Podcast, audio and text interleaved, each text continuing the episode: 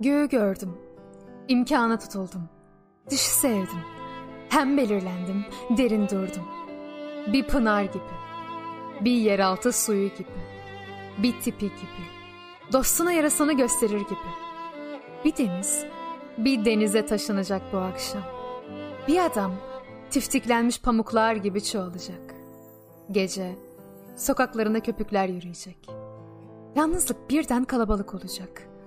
Uzaklar susacak. Ben, okyanusun miskin kuytusunda, kederle bir peri kızını tanıyorum. Tahta bine içerisinden kalbini üflüyor yavaş yavaş.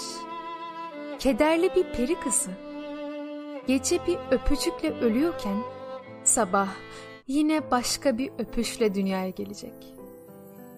Ya bu kez görmeliysek? Ya kuş olup gitmeliysek bir trenle? Dışarıya çiçek bahçesisin. İçeride çiçeklerden mezar yapmışsın kendine. Dışarıya umut veriyorsun. İçeride umutları toprağa veriyorsun. O kadar haksızlığa uğramışsın ki hakkın olanı ödül sanıyorsun.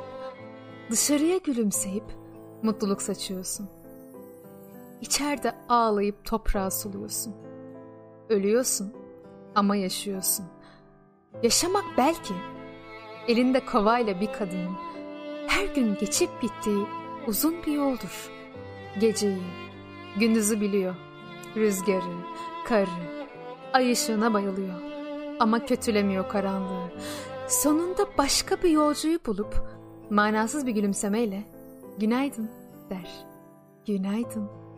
Yaşamak belki de bu. Benim senin unutacağımız bir şey değildir yaşamak. Yaşamak bir elin bir çiçeği ekerkenki cezbesi. Yaz mevsiminin ağzındaki yeni olgunlaşan siyah bir incir. Ateş böceğinin karanlıktaki tecrübesi. Göçmen kuşların taşıdığı bir yabancılık duygusu belki de. Bu gökler ben doğarken temizdi. Dönüyorum. Yeryüzü esrarlıydı, sessizdi. Dönüyorum. Yüreğimin efsunlu diyarını bırakıp dönüyorum. Yaşamak bu belki de.